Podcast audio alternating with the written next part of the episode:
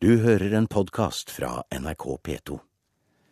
Det begynner å bli en vane at kjente regissører lager filmer for de store motehusene.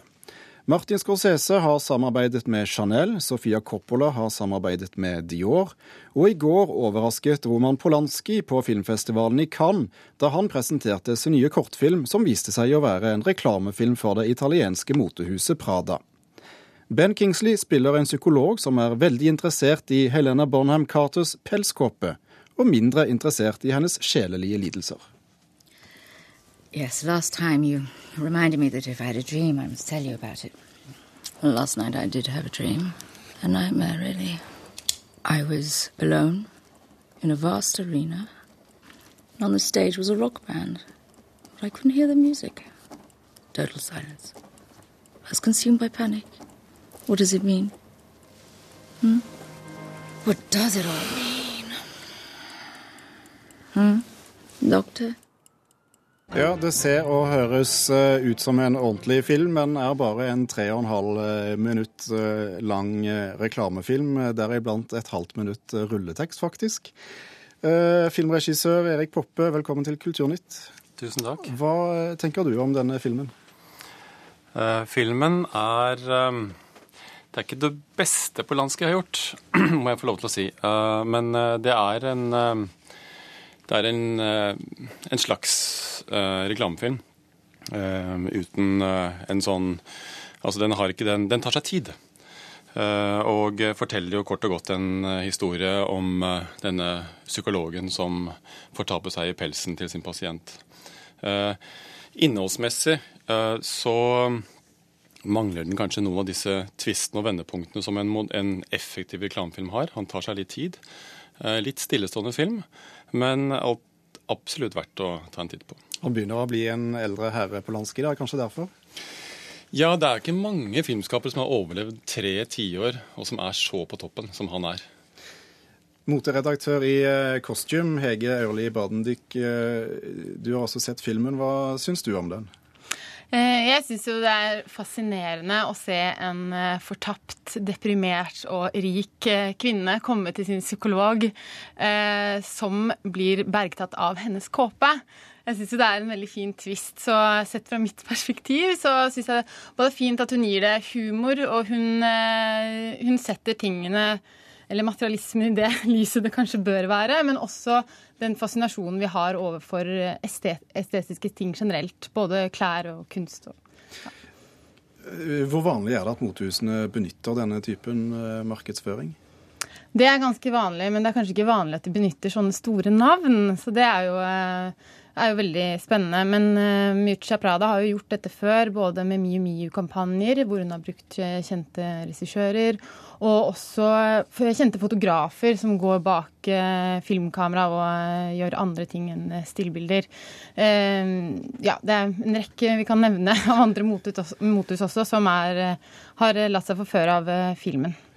Um, altså På uh, hvilken måte kan kampanjer som dette påvirke motebransjens omdømme?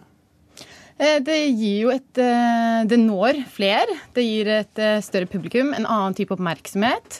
Og også nå som hun knytter seg offentlig da, til Polanski, som er et stort navn, selvfølgelig, så når man jo bredt ut på en annen måte, en annen arena. Og det er jo veldig kred, vil jeg kalle det. En ting er omdømmet til eh, motehuset. En annen ting er eh, omdømmet til eh, regissøren eh, Poppe. Tåler eh, regissørene å, å, stikke hodet ut i dette markedet? Um, det er alltids noe med at uh, regissører har sitt varemerke. på en eller annen måte. De har sin signatur i ting de lager. Um, når regissører blir bedt om å gjøre um, oppdragsfilm eller reklamefilm som dette, så er det ofte Eller det er alltid et kompromiss. Et kompromiss mellom hva i dette tilfellet Prada ønsker å få fram, og det han eh, Polanski får lyst til å gjøre. Så det er kred for Prada. Eh, det er dessverre ikke så mye kred for Polanski, etter mitt skjønn. Har han gjort et uklokt eh, valg? Han sitter i Sveits. Uh, vet ikke hva han skal gjøre. Uh, jeg vil skal jeg være helt ærlig, så tenker jeg at han har sannsynligvis fått like mye betalt for denne filmen som han fikk for sin siste spillefilm. Som var en enorm suksess. Eh, så kan du stille spørsmål om han bare gjorde det for pengene, eller om han gjorde det for sitt hjerte, bankende hjerte for Prada. Jeg tror ikke på det siste. Eh, men om han bare gjorde det for pengene, det, det, det vet jeg ikke. Ville du ha gjort det? Her snakker vi tre og et halvt minutt mot en 90-120 minutters spillefilm. Ja, altså Nå har jeg gjort noen sånne reklamefilmer som har vært sånn 3,5-4 minutter for Aker og mye annet. Det er deilig når man får lov til å brette seg litt ut i format. Det er det fristende.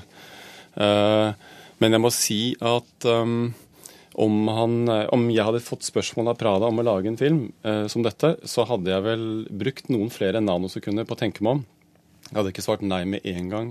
Men um, ja, det er vanskelig å si. Tja, kanskje ville gjort det. Men jeg, jeg, tenker for mitt eget omdømmes skyld at jeg har ikke det å forsvare som Polanski har. Jeg, jeg, er litt forvirret for hvorfor han gjør det.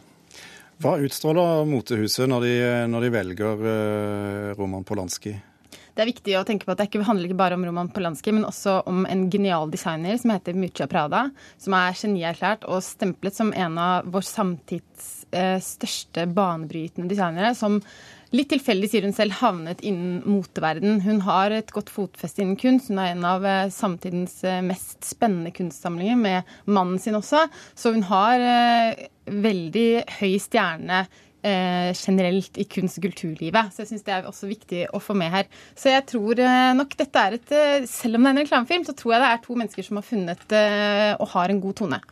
Hva, hva, kan vi si om eh, målgruppen for en sånn reklamefilm? Eh, det, det vi ser er en pelskåpe som eh, antagelig koster uante summer. Ja, jeg vil vel se heller, på plottet av det. Jeg syns det er sånn sett et litt sånn intelligent, artig eh, vri på en film. Og det er jo også et nikk til den eh, motebransjen eh, jeg er en del av. Så jeg vil vel si at den eh, når Den er ikke så catchy, og den er heller ikke så typisk andre reklamefilmer, som bygger veldig mye på da gjerne modeller og eh, mer fokus på kameraføring og musikk som er mer catchy. Dette her er jo litt mer den, for den som har lyst til å sitte og humre litt i tre minutter. Eh, Poppe, du som selv har laget flere slike lange filmer. Hvor, eh, hvor, vanlig er det, og hvorfor velger man å, å velge et såpass bredt, eh, langt reklameformat for å fortelle en historie? Altså jeg, må, jeg, er litt usikker på om denne filmen skal vises tungt på noe reklamekjøpt TV-plass, eller om den bare skal ut på nettet. Eh, sannsynligvis så har den jo allerede nå gjort jobben sin, fordi vi sitter her i et studio i Norge og snakker om det. Det er det ene.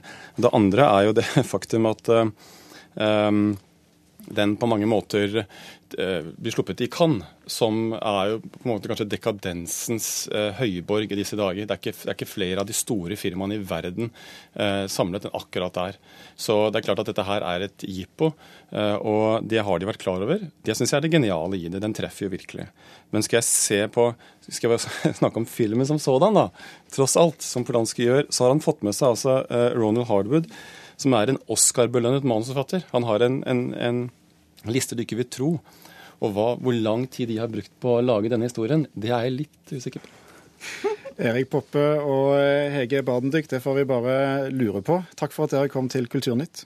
Du har hørt en podkast fra NRK P2.